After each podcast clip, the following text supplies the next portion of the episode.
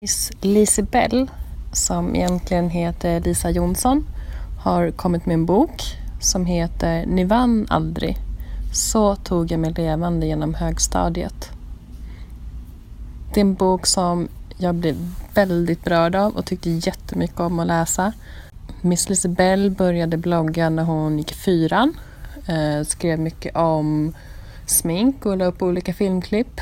Den här boken handlar till stor del om det. Och sen handlar det också mycket om eh, hennes tid på högstadiet, om hur hon överlevde högstadiet. För hon blev utsatt för näthat och blev mobbad.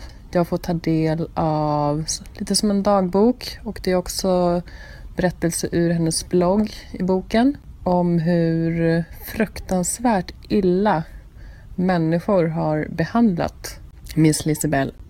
Och det är en bok som är jobbig att läsa. Att människor kan vara så elaka mot varandra. Men den ger också en viktig eh, insyn för mig. Att det är så här det kan gå till eh, i sociala medier och liksom in real life på en skola. Som tur var har eh, Miss Lisabelle haft jättebra stöd från mentorer och från sina föräldrar, från sina syskon och från lärare. Eh, Miss Lisabelle verkar vara en helt fantastisk, snäll, schysst, bra människa. Jag är så imponerad över henne och hur hon har tagit sig igenom sina år på högstadiet.